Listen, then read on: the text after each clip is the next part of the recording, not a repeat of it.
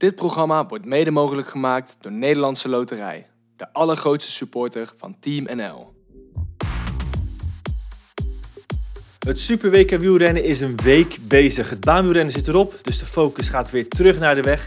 Voor de tijdrit en daarna de wegritten voor junioren, beloften en de vrouwen. En na een paar dagen nagenieten richt Mathieu van der Poel zijn aandacht nu op de mountainbike.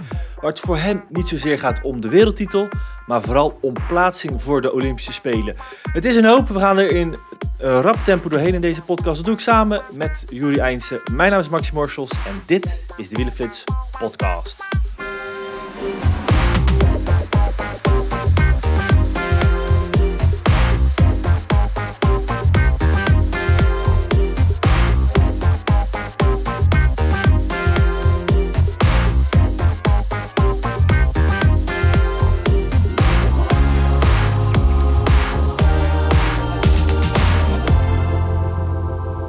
Ja, Juri.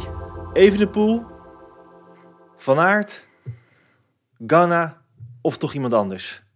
Uh, Evenepoel. Want? Um, ja, die heeft toch wel um, ja, dermate aerodynamisch voordeel um, ten opzichte van krachtpasser Ghana, die gewoon simpelweg wat groter is en dus een grotere uh, oppervlakte heeft uh, waar weerstand tegenaan kan botsen. En Evenepoel is wat kleiner en ja, heeft dat al vaker bewezen dat zijn aerodynamische houding dermate veel voordeel oplevert dat, dat ik zie dat hij hier de meeste kans heeft. En dat komt vooral ook door, door die finale van, het, van de tijdrit die toch... Um, uh, ja, wat, wat meer omhoog gaat. En ja, dat breekt gewoon het ritme. En daarin is Ghana heel erg goed. Maar ik denk dat Evenepoel uh, um, dat stukje iets beter zou kunnen. En daarom denk ik dat hij iets meer in het voordeel is. Ja, wat me opviel, dat had ik niet paraat, is dat België nog nooit een wereldkampioen tijdrijden heeft gehad. Nee, dat denk ik ook niet. Wel bij de jeugdcategorie een aantal keer. Uh, Dominique Cornu, uh, uh, Igor de Kranen, helaas al, al overleden. Um, dat was zowel bij de junioren als bij de belofte. Um, maar inderdaad, nu ik er zo nadenk, bij de elites volgens mij nog nooit. Nee, heeft natuurlijk ook mee te maken dat het geen super oude, oude discipline is. Hè. De losse tijdrit staat er pas, in, pas sinds 94 wordt dat georganiseerd. Maar sindsdien nog nooit een Belgische uh, winnaar. Wel natuurlijk al, uh, al eerder plaatsen. Zeker de laatste jaren hebben ze een beetje een uh, abonnement op tweede en derde plekken. Vorig jaar nog even een pool derde. En de jaren daarvoor, twee jaar daarvoor, Van Aert. En ook in 2019 was het Evenepoel die het derde werd. Um, en zelfs 2018, dat was denk ik de eerste podiumplaats. Wie, wie, wie werd toen derde? in 18, toen was het in. Wat was dat toen ook alweer? In, niet in Yorkshire, niet in Bergen, nee, dat, maar in het was in Innsbruck. Innsbruck. Um, en toen was derde. Nou, dat ga je denk ik niet, niet raden. Het was Victor Kampenaerts. Ja, dat had ik wel willen zeggen eigenlijk. Maar... Ja, dat zou ik ook nu uh, zeggen. Zonder gekheid. Dus, uh, nee, dat was de eerste, ja. de eerste Belg die een, een podiumplek hm. pakte. Maar nog geen uh, regenboogtrui. Dat kan dus vrijdagmiddag zomaar gaan veranderen. Want het WK tijdrijden, 47,8 kilometer lang is het uh, parcours. Uh, rondom Stirling, start en finish in Stirling. en dan gaan ze in westelijke richting rijden met ja, voornamelijk in de finale wel wat meer hoogtemeters. Ja. Maar verder weinig haakse bochten. Slechts 12 bochten van 90 graden of scherper. dat is even een contrast met de afgelopen uh, wegrace. En als we dan jouw stelling, of eigenlijk wiskundige module erbij pakken, dan komen we eruit dat het geen, niet zo'n technisch parcours is. Nee, nee, nee, nee, nee zeker niet. Hè. 12 bocht op 42 kilometer. Nou, dat betekent dat er om en nabij de 4 kilometer een, een bocht ja. zit. En dat is echt ja, spek naar de bek voor de echte powerhouses. En normaal gesproken zou dat in het voordeel zijn dus van, van Ghana, maar ook zeker van de Wout van Aert en Stefan Koen. Maar goed, er zitten toch wat hoogtemeters in, waardoor het misschien niet super bolt overal. En je dus je ritme gebroken kan worden. Ja, dan krijgt het toch Evenepoel, wat ik net ook al zei, een, een klein streepje Ja. voor bij mij. Als je kijkt naar het profiel, dan denk je, nou ja, die heuveltjes die stellen eigenlijk helemaal niet zoveel voor. Eh, 352 hoogtemeters over het hele parcours geteld. Maar ja, zo'n profieletje, zeker hoe die bij de UCI getekend zijn voor een WK, die vertekenen altijd. Het gaat echt wel wat meer geklommen worden Ja. dan het eh, profieltje doet eh, vermoeden. Het wordt dus vooral een hele snelle race. Ehm, iets meer dan een uur, eh, of nee, iets, ja, het zal rond het uur ongeveer eh, gereden gaan worden. Ja, ik schat, ik, ja, ik schat dat het, dat het zo tussen de 50 en 55 minuten zal zitten. Ja. En ehm ja, laat toch even iets dieper in duiken op die favorieten. Want ja, jij zegt al, Evenepoel is hier wel echt in het voordeel. Goed, vorig jaar derde. Maar dat was wel een week nadat hij de Vuelta had gewonnen. En ook amper tijd om een jetlag te verteren. Mhm. Dat is inmiddels eh, wel anders. Dus eh, dat hij een nou ja, redelijke doen is, bewees hij wel in eh, de wegritten. Maar goed, niet de topvorm. Al weet hij dat zelf, of dat is niet de topprestatie moet ik zeggen. Want dat weet hij vooral aan het parcours wat hem niet zo eh, lag. Nou ja, dat is qua tijdrit voor hem wel wat beter. Ehm, maar goed, ik vind dat je toch wel wat snel over Filippo Ganna heen walst. Ehm, heeft de wegrit overgeslagen voor het baanwielrennen. Ja. En daar was hij, eh, hoewel hij het heel spannend maakte, was hij daar wel eh, de beste. En als ik kijk naar die afgelopen, naar zijn voorbereidingen ook, eh, heeft zijn laatste twee tijdritten gewonnen. Al was dat niet tegen een wereld eh, tegenstanders, hè? Italiaans kampioenschap. Nou, dan wordt het al überhaupt lastig om tegen internationale toppers te fietsen. en in de ronde van eh, Wallonië, ja, dat, die begint zo'n beetje als de Tour klaar is, vind je ook nooit de echte wereldtop. Nico had gezegd eh, tegen Jannetje en Mieke. Ja, precies. De Janneke en Mieke. En daar heeft hij eigenlijk wel gelijk in. Want het is niet de wereldtop, maar dat heeft hij wel op, eh, nu op de baan laten zien. En ja, het, het is wel echt voor die powerhouses, hè? Ja, eh, dus hij komt zeker aan een eind. Maar goed, eh, Ghana is wel iemand die eh, altijd die ja, beide disciplines combineert. En normaal is dat natuurlijk altijd van elkaar gescheiden. Is het WK baanwielrennen op een heel ander tijdstip dan het WK op de weg. En ja, ik moet nog maar eens zien of dat te combineren valt. Want dat weten we eigenlijk helemaal nog niet. Ehm, dus ja, ehm, hè, op, de, op de Olympische Spelen was het bijvoorbeeld ook het geval. Ja, en toen, eh, hoewel dat een ander parcours was, hebben we Ghana natuurlijk niet op het podium zien staan. Het eh, lijstje met favorieten is eh, wat dat betreft heel erg klein. Eigenlijk wel tot, tot drie renners waarvan het dan te verwachten is dat, het, dat zij er echt kans op maken. Nou, ik wil toch ook daar Koen daar wel bij plaatsen hoor. Ik denk dat het tussen die vier Ja. gaat. Dat er vier renners gaan strijden om, om die podiumplekken. Met wel een aantal heel gevaarlijke outsi- outsiders. Ja. Want als we over Koen hebben, ik wil hem eigenlijk ietsje later gaan aanhalen.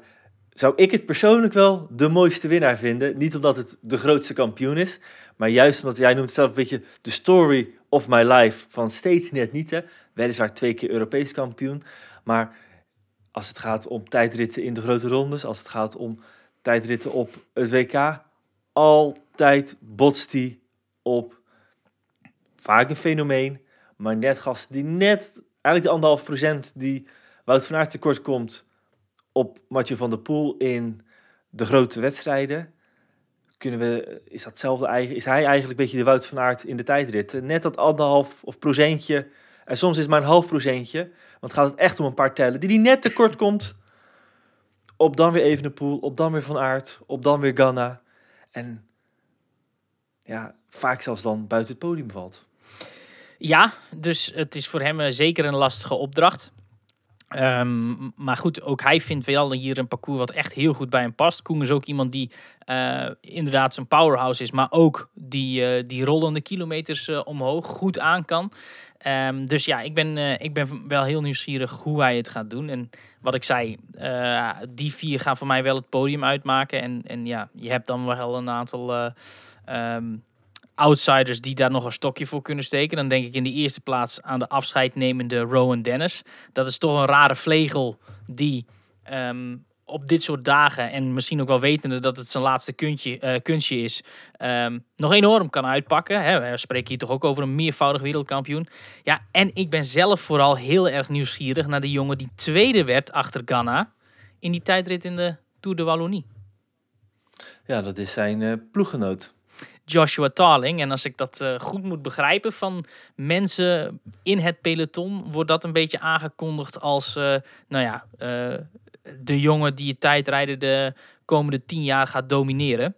Um, heeft alles in zich om dat ook te gaan doen. Maar ik ben heel benieuwd of hem dat ook al lukt op zijn eerste WK voor de profs. Vorig jaar werd hij nog wereldkampioen bij de junioren. Dus had nog... Ja, want hij is pas 19. Pas 19 jaar. Ja, had, had gewoon nog vier jaar bij de belofte mogen meedoen. Maar kiest er meteen voor. Natuurlijk zal ik misschien wel ermee te maken hebben dat het in eigen land is.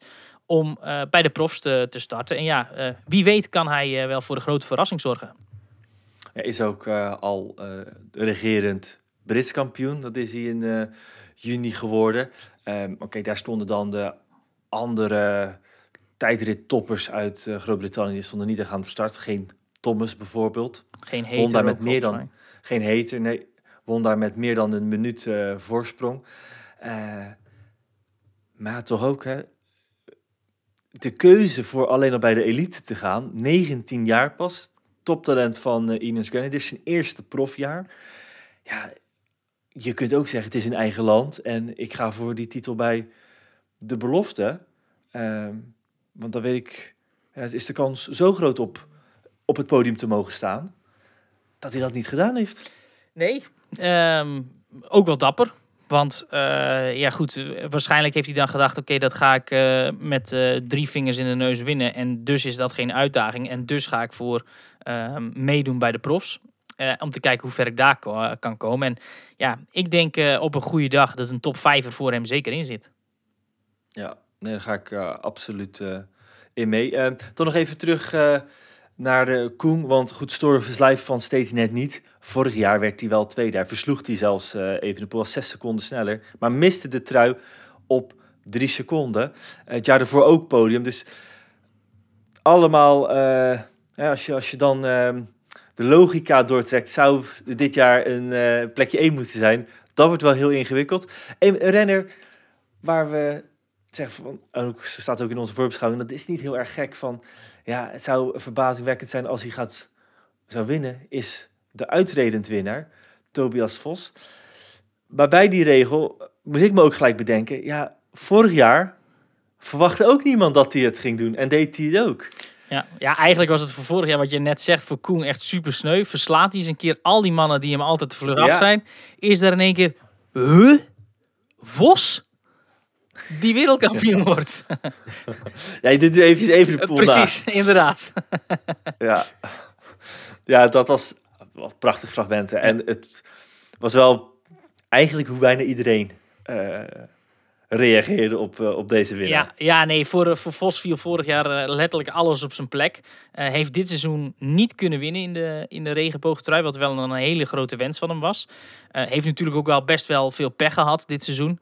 Um, maar ja, normaal gesproken, als je zijn tijdritten er van dit jaar erbij pakt. Sowieso trouwens vind ik van Jumbo Visma zijn de tijdritten dit jaar een heel stuk minder dan dat ze de laatste twee jaar zijn geweest. Um, waaraan dat precies ligt, zeg het maar. Althans, er wordt minder gewonnen, laat ik het zo zeggen dan. Um, dus ja, uh, ik verwacht hem ook niet meteen. Maar als ik dan bijvoorbeeld namen nee. als uh, Mattia Cataneo en, en Remy Cavagna in onze voorbeschouwing sta, uh, zie staan. Ja, die zie ik het WK toch minder snel winnen dan Vos. Ja, maar als we kijken, goed, het was wel maar een hele korte tijd. Het is 16,6 kilometer de ronde van Polen. Dan hebben we het over vorige week. En die was zeker niet uh, lastig. Hè? Het glooide wel. En dan wordt hij negende. Geeft hij wel 21 seconden toe op Di Cataneo. Ja, maar goed, dan, dat is een korte tijdrit. En hè, is een WK 16 kilometer lang, dan is ja. Stefan Biesiger altijd topfavoriet. Want die is gewoon de beste op de middellange afstand. Alleen dit is een lange afstandstijdrit. Ja, en dan komen er andere factoren spelen. Uh, en zie ik dus mannen als Cataneo en ook Cavagna zeker niet meedoen. En Vos wel. Nee. nee. Biesiger, die deed het zelfs nog minder dan Vos in, uh, in Polen. Eh, maar goed, dat tezijde. Het is, een, het is een heel andere wedstrijd. Het is dubbel zo, meer dan dubbel zo lang.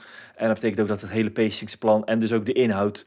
Ja, totaal andere renners daardoor uh, naar voren komen. Uh, tot slot, um, Pogacar... Ja, die heb ik dus uh, in de mixzone voor mijn neus voorbij zien strompelen. Ja. Nou, uh, ik was met uh, het filmen van het shotje net iets te laat, want ik heb hem dus recht in de ogen aangekeken. Die kwam eigenlijk, had ik het idee dat aan de achterkant van het muurtje van de mixzone de set van The Walking Dead ehm, stond. Want als zo'n zombie kwam hij eigenlijk op ons af. En ik had echt het idee dat hij daar letterlijk dood zou neervallen voor ons. Zo slecht zag hij eruit. Um, nou ja, gelukkig moest hij naar de wc en, uh, en was, het, uh, was het goed. Want um, ja, wat ik ervan begreep was een bloedsuikerspiegel echt veel te laag. Wat ook wel logisch is, want het was juist um, ja, tijdens die wegwedstrijd enorm belangrijk om veel suikers tot je te nemen. En ik heb het vermoeden dat Pogacar dat misschien net iets minder vaak gedaan heeft dan, dan had gemoeten.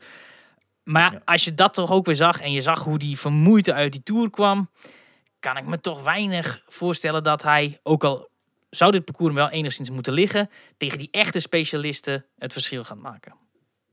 Ja, Pokerchar, het zou me niet verbazen als hij zelfs uh, nog uh, afzegt. Um, en we zijn ook helemaal over de, voorlopig nog over de Nederlanders heen gewalst, of die hebben we nog niet eens benoemd. Doen er wel twee mee, Daan Holen en Jos van Emden, maar daarvan is er in alle eerlijkheid geen top 5. Een top 10 plek zou een nette prestatie zijn. Ja, en ik denk dat dat uh, echt wel het hoogst haalbare is voor, uh, voor beide. Ja, de tijdrit van de belofte hebben we al uh, gehad bij de belofte mannen.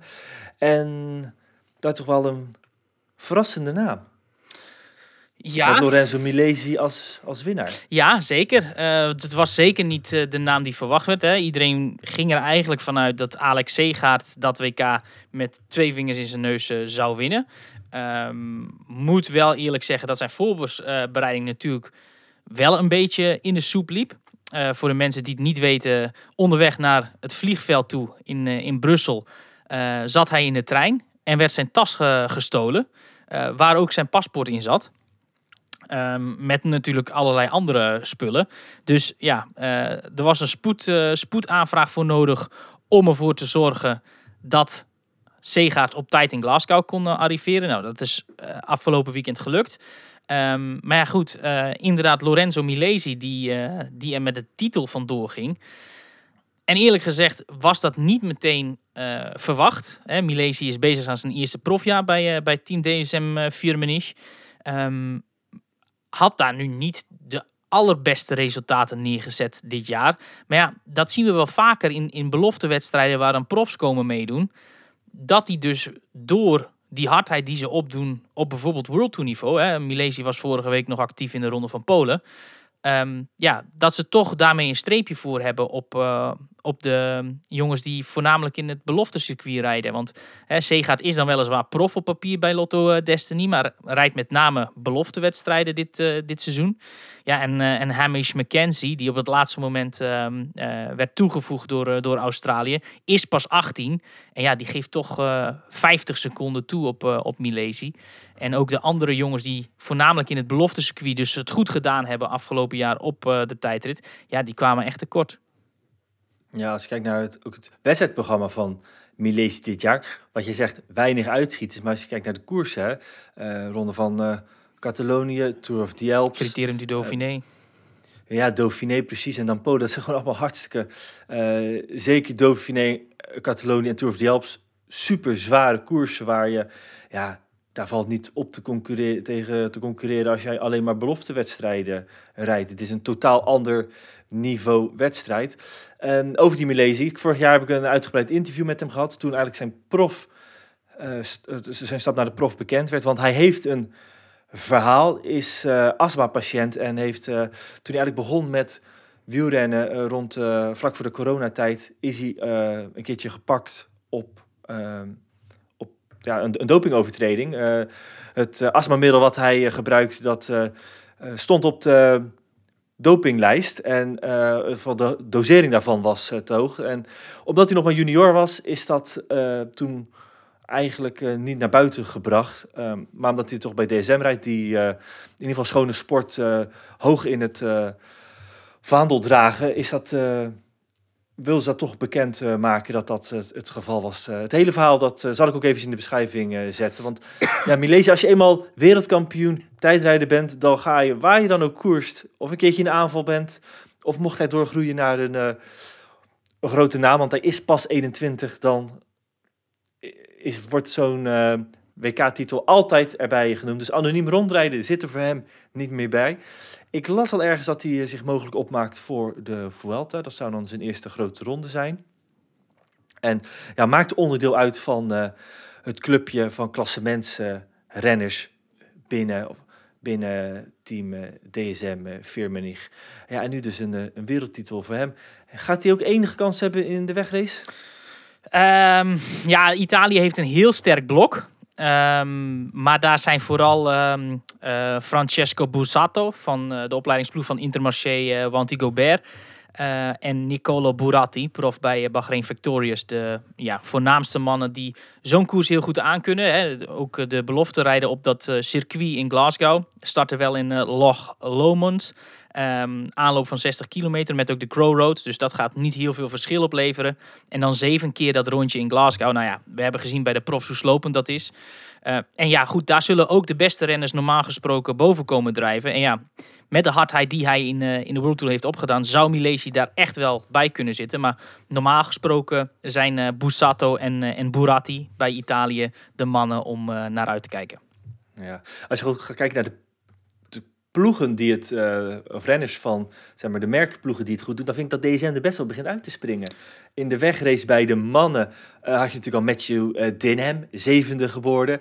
Een heel sterke Kevin van Marken zien rondrijden namens Ook Amerika. Top 15, en nu dus bij de, ja, en nu dus bij de, ja, ietsje verder, dacht ik. Um, maar nu dus bij de, nee, hij is twintigste geworden. Oké. Okay, ja. En nu dus bij de belofte tijdrit ook een DSM.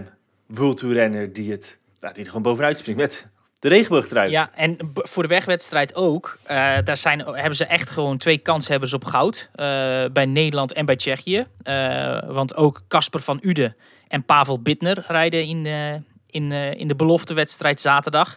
En ja, die zijn allebei Um, met hun hardheid, met hun eindsprint voornamelijk ook. Um, uh, ja, kanshebber. Hè? Van Ude heeft een, een historie op de baan. Uh, vooral in wedstrijden als de puntenkoers en het Omnium-missie ja, gespecialiseerd geweest. Dan kun je met de fiets rijden. en dat is ook nodig in, um, in, uh, in Glasgow. En Bittner heeft uh, een crossverleden. Nou ja, goed, we hebben afgelopen weekend gezien uh, hoe de crossers het deden bij de profs.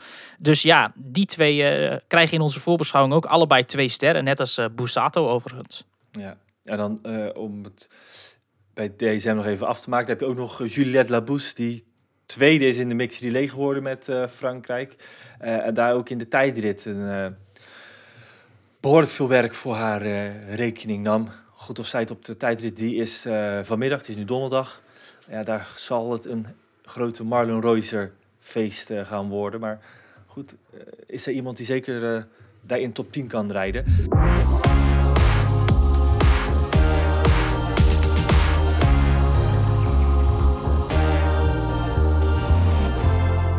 Gaan we door naar het mountainbike want dat is de volgende tussenstation van Mathieu van der Poel. Heeft eventjes kunnen genieten van zijn uh, wereldtitel op de weg.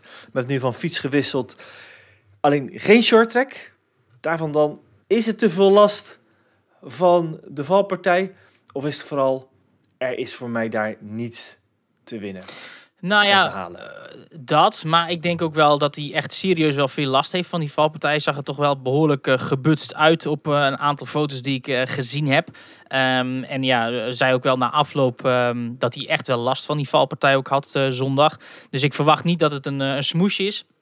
Hoewel, wat jij ook zegt, er inderdaad niets te winnen is in die, in die short track.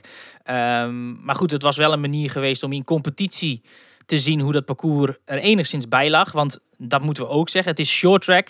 Uh, en dus rijden ze ook maar een klein deeltje van uh, de grote ronde die zaterdag wacht. En ja, laten we wel eerlijk zijn. Zaterdag is vele malen belangrijker voor Van der Poel dan dat ja. uh, donderdag is. Maar goed, op de shorttrack is, is er daar dan wel gewoon een wereldtitel te... eh, kan je nu wereldkampioen shorttrack Ja, worden? dat is sinds eh, 2021 het geval. Ehm, toen won Christopher Blevins, eh, Amerikaan die ook wel op de weg gefietst heeft bij, bij Hagen's Bourbon Action. Vorig jaar ging eh, Van der Poels huidige ploegmaat Sam Gaze met die titel aan de haal. Het is nu een officiële wereldtitel. Eh, en ja, nu volgt dus de derde editie. En voor de mensen die het mountainbiken goed volgen, weten dat ja, tijdens de wereldbekers altijd op zondag de eh, Olympische afstand, de cross-country, eh, eh, plaatsvindt. En op vrijdag de short track, waardoor je dus je startpositie kunt verbeteren voor zondag. En in die losse wedstrijd mogen dan deze wereldkampioenen eh, de regenboogtrui dragen. En dus niet diegene die zaterdag ehm, tijdens de, de grote wedstrijd van anderhalf uur de wereldtitel pakken. Nou, die kans voor een wereldtitel laat Van der Poel schieten. Alles op zaterdag, waar dus een, een nieuwe wereldtitel te behalen valt. Maar dat is pas eigenlijk het tweede doel van Van der Poel. Het eerste doel is zorgen dat hij zich kwalificeert voor de Olympische Spelen. De laatste kans. Je kunt je natuurlijk kwalificeren door het gehele jaar punten in wereldbekers en andere kampioenschappen te veroveren voor plaatsing voor de Olympische Spelen. Nou, dat heeft Van der Poel natuurlijk niet gedaan. Heeft Nederland überhaupt bijna niet kunnen doen. Ook doordat Milan Vader lange tijd geblesseerd is geweest en zich daarna op de weg heeft, eh, ook heeft gefocust. Eén uitweg en dat is plaatsing via de WK-race. Dit is een technisch verhaal. Ja. En Juri, ik ga het je vragen. Hou het simpel. Ja, nee, het is een heel technisch verhaal. Ehm, de plaatsingsperiode liep van 7 mei 2022 tot en met 26 mei 2024. Dus dat is eigenlijk twee jaar de tijd eh, om punten te verzamelen. En ehm, ja, dat gaat op basis van een landenranking. De eerste 19 landen op die ranking plaatsen zich volgend jaar voor de Olympische Spelen. Vervolgens gaat de UCI terugkijken naar dit WK. En alle landen die buiten die 19 landen in de uitslag staan, worden dan eruit gefilterd. En de eerste twee landen in die uitslag verdienen dan alsnog een ticket voor de Olympische Spelen. Er zit ook nog een tussenstukje in, want ehm, de winnaars, of tenminste de landen die zich via de continentale kampioenschappen van Afrika, Zuid- en Noord-Amerika en Azië plaatsen, eh, die dus niet bij die 19 landen staan, plaatsen zich ook. Ehm, en eh, vervolgens kijken ze dus naar het WK en de eerste twee landen die daar eh, nog niet geplaatst zijn in mei 26, dus ze kijken met terugwerkende kracht, plaatsen zich alsnog. Ehm, en ja, Nederland staat op dit moment 28ste op die ranking en ja, bijna 1000 punten achterstand van nummer 19 Tsjechië. Dat is bijna niet meer in te halen. Ehm, en ook de andere landen die eigenlijk onder Tsjechië staan, ehm, hebben niet zo heel veel kans meer. Hè? Als je kijkt, Tsjechië is 19e, die hebben op dit moment 2520 punten gehaald. Israël staat 20ste en die hebben er 1955 gehaald. Dus dat is bijna 550 punten minder. Nou ja, eh, tijdens wereldbekers zijn de meeste punten te verdienen. En de winnaar kan daar 250 Ja. punten verdienen. Maar de punten, maar de punten gaat helemaal niet... Het, Nee, We gaan helemaal niet in de punten eh, praten. Nee, zeker. Eh, want het gaat nu vooral om die ranglijst. En ja, Nederland heeft op dit moment dus zeven landen voor zich te dulden. Sorry, acht landen voor zich te dulden. Israël, Colombia, Argentinië, Australië, Letland, Oekraïne, Mexico en Puerto Rico. En eigenlijk moet Van der Poel ervoor zorgen dat hij al die landen zondag, of, eh, zaterdag achter zich houdt. En dan zou bij wijze van Ja. een top 15 plek meer dan genoeg moeten zijn om zich te kwalificeren voor de Spelen. En doen er renners uit al die landen mee? Er doen renners uit al die landen mee. Ehm, daarbij moet ik wel zeggen dat Mexico al wegvalt. Eh, want die hebben namelijk het eh, Amerikaanse kampioenschap gewonnen. En hebben dus via die weg al een ticket verdiend. Ehm, en ja, eh, bijvoorbeeld ehm, eh, Argentinië en Australië, maar ook Colombia, hebben niet heel goede mountainbikers op dit moment. En die zouden dus ja, te pakken moeten zijn voor Van der Poel. De lastigste opgave gaat zijn Letland. Die hebben Martins Bloems, dat is de nummer 12 van de wereld. En die mag op de tweede rij starten vanwege die positie. En Van der Poel heeft geen enkel UCI-punt en moet dus vanop de laatste startrij starten. Of de voorlaatste rij, dat gaat namelijk op, eh, op eh, eh, loting. Ja, en dat is toch wel heel lastig om dan die Martins Bloems nog in te halen. En dus moet hij vooral zijn versier richten op Lee Gonen. En dat is de Israëliër. Die staat 33ste op de wereldranglijst. Die staat op rij 5. En ja, dat is eigenlijk de renner die hij sowieso moet passeren. Net als al die andere landen die ik net noemde, moet hij die zien voor te blijven. Ja, nu heb je in het veldrijden natuurlijk de regel dat als jij in de top 40 van een andere discipline staat, dat je dan op de vierde startrij uh, mag eh, starten. Hè? Ook op, op die manier bijvoorbeeld wegwielrenners te verleiden om zwinters te gaan crossen en niet helemaal achteraan te moeten gaan staan. Geldt dat ook in het mountainbike? Want is dat dan nog een uitkomst? Die regel geldt, maar alleen in wereldbekers. En de regel uh, qua startvolgorde op het WK gaat op basis van de uh, meest recente UCI-ranking. En die is afgelopen dinsdag gepubliceerd. Dus op basis van die ranking is de startvolgorde bepaald. En nogmaals, Van der Poel heeft geen punten gehaald het laatste jaar. Staat dus niet op die ranking en moet helemaal achteraan starten. Ja. Um, en voorlopig dus meest reële kans dat hij dan in aanmerking komt voor die tweede plek van niet gekwalificeerde landen. Eén Letland, grootste kandidaat. En dan uh, Van der Poel kans op tweede. Ja. Uh, hoe realistisch is dat gaat lukken? eigenlijk is het best realistisch. Um, als je ziet dat van die uh, 19 landen, die dus op dit moment gekwalificeerd zijn, um, staan daar 18 van in de top 50. Dus de beste 50 mountainbikers komen uit 18 van die 19 landen die al geplaatst zijn. Er doen op de basis van de voorlopige deelnemerslijst 103 mountainbikers mee deze, uh, dit WK zaterdag. Dus het zou betekenen, als hij in ieder geval al de helft zou kunnen inhalen, dat hij al heel, weg, uh, heel eind op weg zou kunnen zijn. Er zijn 13 startrijen daardoor in totaal.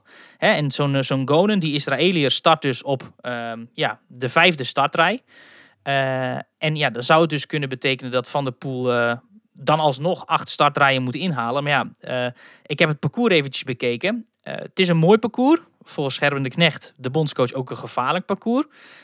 Maar vooral aan het begin en aan het eind van de ronde toch best wel veel ruimte om, uh, om in te halen. Het zal zeker niet makkelijk zijn, maar het is ook geen, geen onbegonnen werk. En hij zal vooral eigenlijk in, de, in het bos, in waar de technische passages zijn, zijn rust moeten bewaren. En heel geduldig in de anderhalf uur tijd moeten opschuiven. Wereldtitel lijkt me wel heel lastig. Gezien het feit dat mannen als Schurter gewoon op kop kunnen starten. Dus uh, nee, dat gaat een uh, lastige opgave worden. Maar bijvoorbeeld ook voor Tom Pitcock, want die staat 62ste op de UCI-ranking. En zal dus ook ergens halverwege het veld moeten starten. Ja, en die heeft zelfs de wegrit uh, laten schieten puur voor de, dit WK. Um, hoe, hoe, schat je zijn kans in? Want hij gaat wel vol voor die wereldtitel. Ja, nou in, de eerste, in het eerste stuk richting het bos zijn er best wel veel brede banen. Hè? Niet heel veel single tracks. Dat begint echt pas in het bos. Uh, dus daar is zeker ruimte om op te schuiven. Maar het betekent ook dat, er, uh, dat heel veel mannen dat vanuit achteruit zullen willen. Dat het hectisch wordt. Dat er valpartijen kunnen plaatsvinden. En ja, als je daarachter gevangen zit voordat je het bos in moet. Dan is het wel pas wachten tot het einde van die ronde. Waar je weer wat ruimte krijgt om, om op te schuiven. Dus het gaat vooral um, ja, geduld moeten zijn wat je hier hebt. En ook een beetje geluk dat je niet wordt, wordt opgehouden. Ja. ja, en is het echt uitgesloten wat jou betreft dat Van der Poel hier stunt en de wedstrijd kan winnen? Met Van der Poel weet je het nooit, dus ik sluit niets uit. Maar dan moet er toch wel... Kijk, hè, je, neemt het op tegen, tegen bijvoorbeeld uh, een shooter, een heleboel goede Fransen, een heleboel goede Italianen. David Valero, die Spanjaard die het altijd goed doet. De Belgen die hier met de Froimont en ook Schuurmans ook gewoon twee renners in de top 10 hebben staan, mondiaal gezien. Alan Hatherley, de Zuid-Afrikaan, nou, zo kan ik nog wel even doorgaan. Die jongens zijn gewoon fulltime met mountainbike bezig. En het lijkt me toch heel stug dat Van der Poel, die tot deze week zijn mountainbike niet aan heeft geraakt sinds een hoogtestage in Livigno vorig jaar voor de Tour, dat die dan in één keer hier al die wereldtoppers de baas zou kunnen zijn uh, op hun terrein. Terwijl hij amper iets heeft, uh, heeft voorbereid. Want mensen moeten niet onderschatten hoe zwaar de mountainbike sport is. En dat het misschien mondiaal wel een grotere sport is dan het wegwielrennen. Dus ja, de kans dat je dan in één keer van de ene discipline naar de andere komt. zonder ook maar eigenlijk een serieuze voorbereiding gedaan te hebben. en dan wereldkampioen worden. Ja, dat, dat lijkt me toch voor 99% uitgesloten. Afgelopen zondag was een historische dag voor het Nederlandse wielrennen. Met een wereldtitel dus voor Van der Poel. Voor Wielenflits werd het ook een historische dag. Want we hebben een nieuw uh, pay-view record gehaald op al onze platformen. Meer dan 1,1 miljoen uh, pagina weergaven. En dat is een ja, grote verbetering van het record wat daarvoor uh, genoteerd werd. Ook door Van der Poel op de dag dat hij de gele trui pakt op de muren de Bretagne. nou, die records dat is natuurlijk hartstikke mooi. Daarvoor moet van alles bij ons goed staan. Natuurlijk zorg dat het team en de website en dat soort dingen, dat dat allemaal werkt. Maar je moet ook geluk hebben dat het koersverloop en dat de winnaar en dat er een grote wedstrijd is. Want goed, die 1,1 miljoen, dat is ook een uitschiet. Dat halen wij niet dagdagelijks. Afgelopen zondag kwam dat allemaal samen. We, het, jij was in Glasgow, het team uit Nederland stond gereed. De website deed het goed. En Van der Poel uh, wint na een beklijvende koers een historische wereldtitel. Dus een dik record voor ons. Maar om die records, dan doen we het uh, niet alleen uh, voor. We willen juist er het hele jaar staan. En dat staan we, maar we willen vooral ook gaan doorgroeien. En daarvoor hebben wij nieuwe mensen nodig. We hebben een vacature online gezet, drie zelfs. Ehm, we zoeken versterking voor fietstoerisme. Want naast het wielennieuws kun je bij ons ook terecht voor alles over fietsbestemmingen, over fietsmateriaal dat alles gecombineerd doen we in het magazine, Ride Magazine. En we gaan dus uitbreiden. Voor fietstoerisme zoeken we een uh, nieuwe redacteur. Um, we zijn ook op zoek naar een developer. Dus ben jij een full stack developer, weet je alles van PHP. Liefst een grote voorkeur ook voor Laravel. Solliciteer alsjeblieft, want we zijn op zoek. En ja, je mag tijdens het werk ook met een schuin oog wielrennen kijken, want dat doen wij namelijk allemaal bij uh, Wielenflits. En we zijn ook nog op zoek naar een social media, of eigenlijk content creator, of social media uh, redacteur, om bijvoorbeeld mee te helpen aan deze podcast. Fragmenten te knippen, bijvoorbeeld dit fragmentje losknippen over de vacature, zodat we dat los op Twitter en Instagram kunnen zetten. Dat zouden wij graag willen. En uh, kan jij dat? Ben jij dus die social media redacteur die we zoeken? En weet je dus alles van podcasts te maken, van video's monteren? Kijk eventjes, op Wielenflits daar staat nu een bericht werken bij Wielerflits of op uh, LinkedIn. Daar kan je de vacatures ook vinden. Solliciteer en wellicht uh, kan jij ons team komen versterken.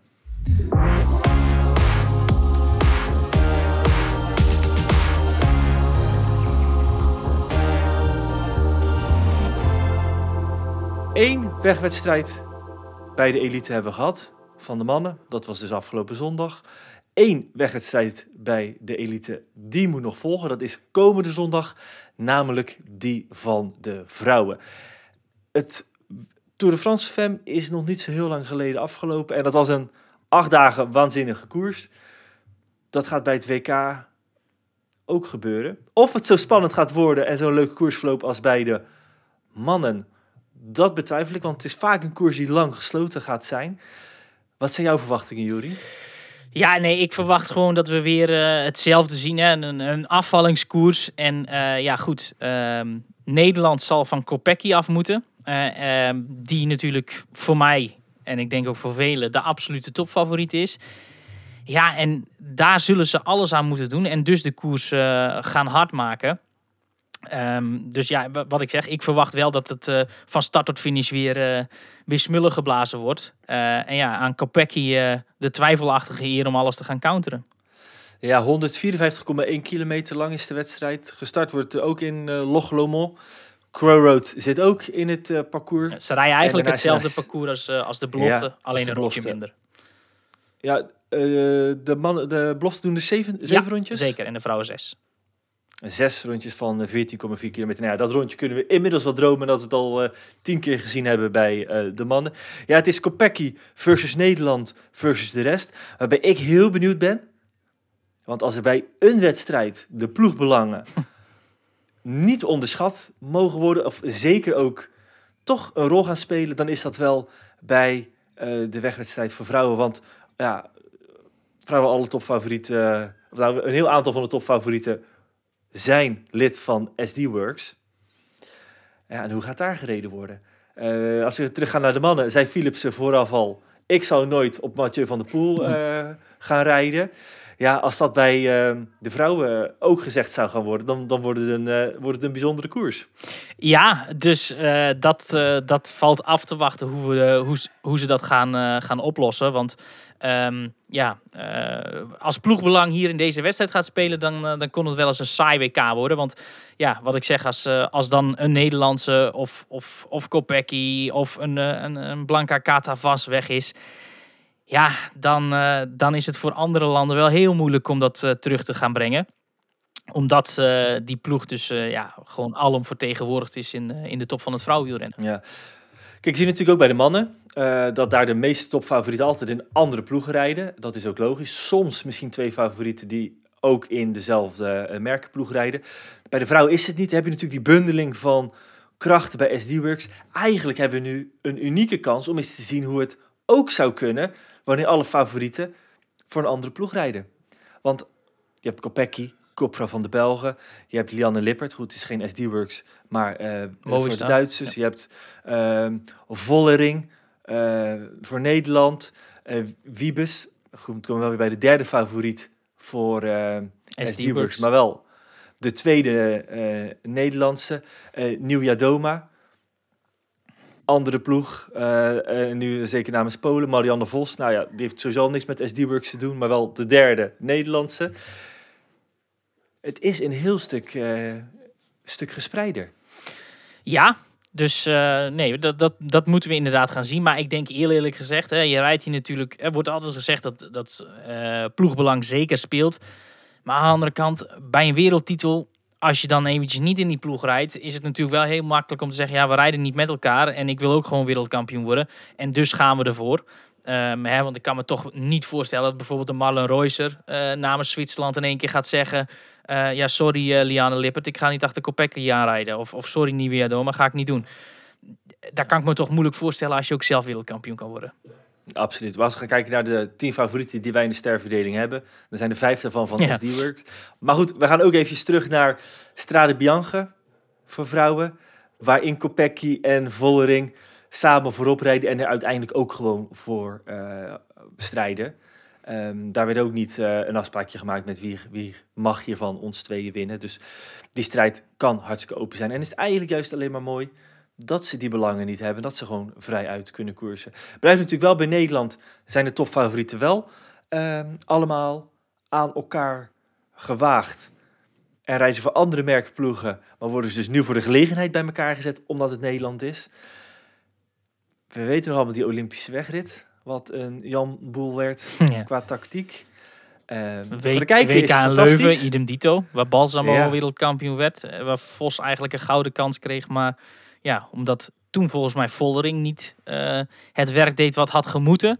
eh, was dat na de finish ook zo'n heel pijnlijke eh, conversatie die daar plaatsvond. Dus wat je zegt is wel, is wel waar. Dus ik ben heel benieuwd hoe Loes Gunnewijk het dit keer wel goed zal proberen te managen.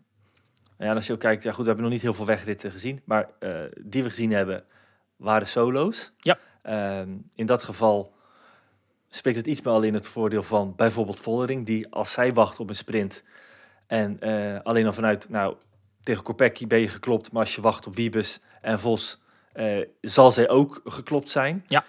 Ehm, en wat gaan die sprintsters doen? Ja, ik, ik verwacht van zowel Wiebes als Vos heel veel. Die zijn allebei technisch zeer goed onderlegd. Ehm, hè, Vos hoeven we niet uit te leggen. Uh, banen achtergrond. eh, zelfs een beetje mountainbike achtergrond. Maar zelf, eh, natuurlijk heel veel cross achtergrond. Die gaat die bochtentechniek eh, tot in de puntjes beheersen. En ja, dat gaat wel gewoon een, een voordeel opleveren. Want ik hoorde in de collega's, om het zo maar te zeggen, bij de Move ehm, Armstrong en, en Bruineel en ook Hinkepie uitrekenen dat Van de Poel een halve seconde per bocht won. En als er 440 bochten in dat parcours zaten, dan won hij in totaal dus ehm, ruim twee minuten op de rest, wat hij zich minder hoefde in te spannen. En ja, als dat eh, ehm, ook bij de vrouw het geval gaat zijn, dan gaan Vos en ook Wiebes, Wiebes die natuurlijk ook op de baan, maar ook in het veld eh, de nodige ervaring heeft, ja, die gaan daar op techniek eh, dan ook een heelheid eh, kunnen komen. Ja. Maar dat geldt ook voor de absolute topfavoriet Kopecky. Absoluut. Die ook crost in eh, de winter nog wel eens. Maar goed, vooral furoren maakt op en deze week al heeft gemaakt op eh, de baan. Dus ja, ehm, ik denk al voor het eerst in jaren geen Nederlandse als topfavoriet.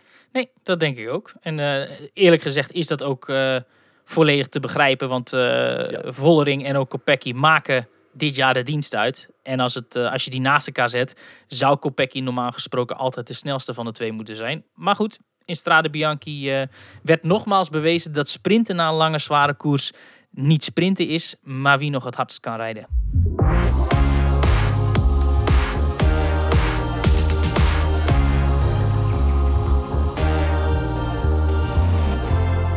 Dan gaan we naar eh, het allerlaatste onderdeel wat wij nog even op vooruitblikken. En ik denk misschien wel het WK. Ja goed, het WK eh, dat gaat niet meer overtroffen kunnen worden. Maar waar wij altijd wel met heel veel plezier naar uitkijken. En dat is het belofte EK. Normaal gesproken een beetje de voorloper voor eh, de mannen.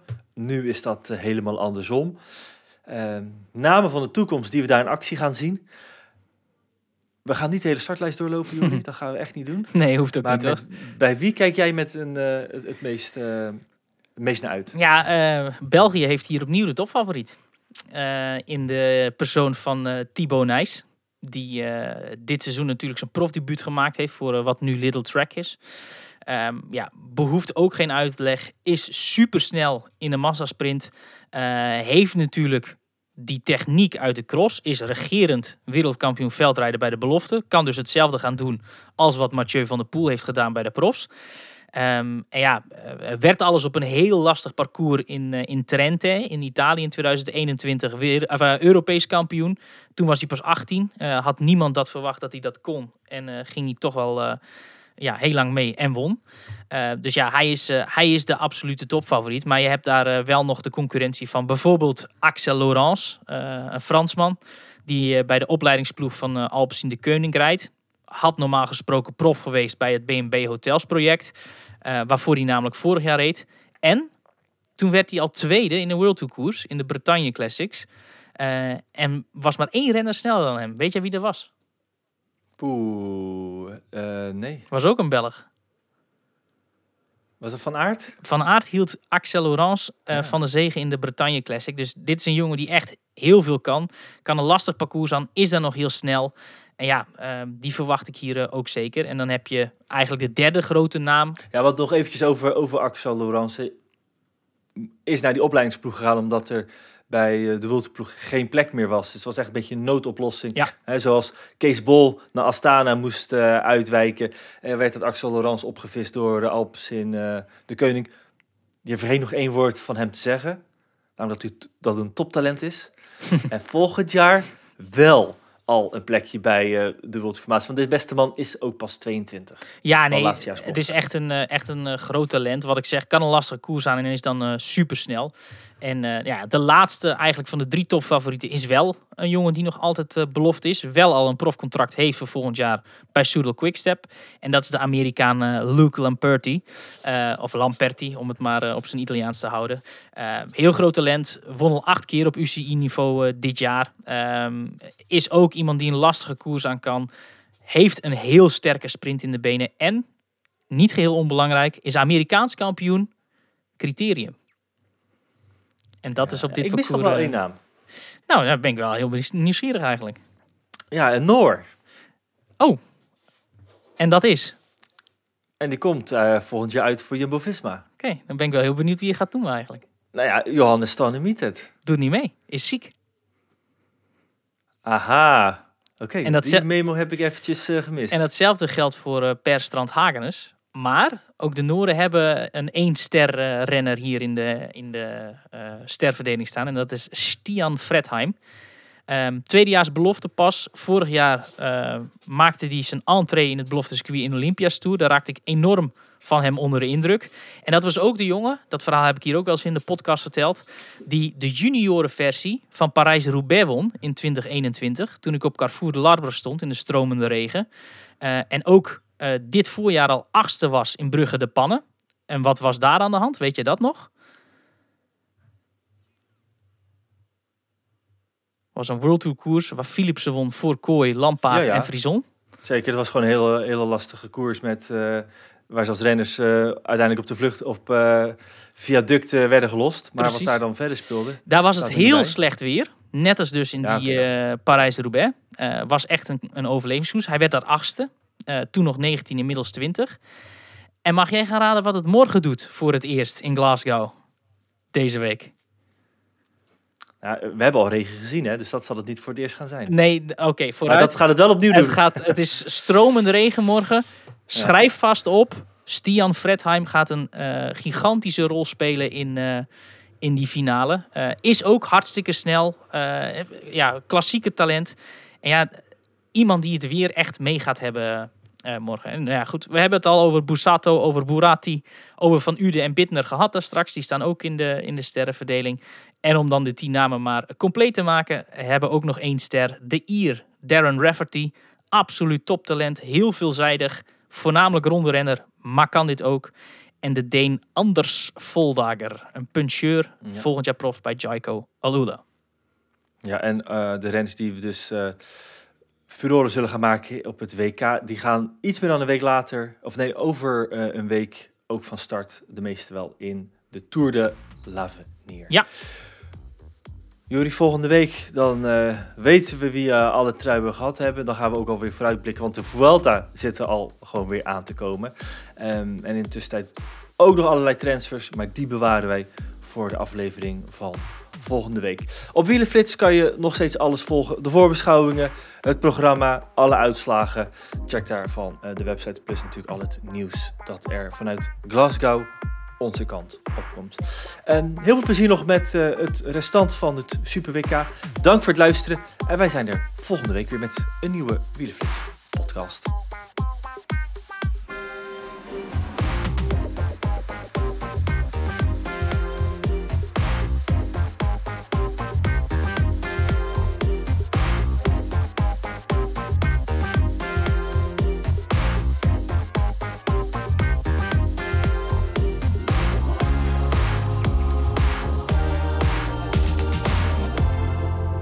Dit programma wordt mede mogelijk gemaakt door Nederlandse Loterij. De allergrootste supporter van Team NL.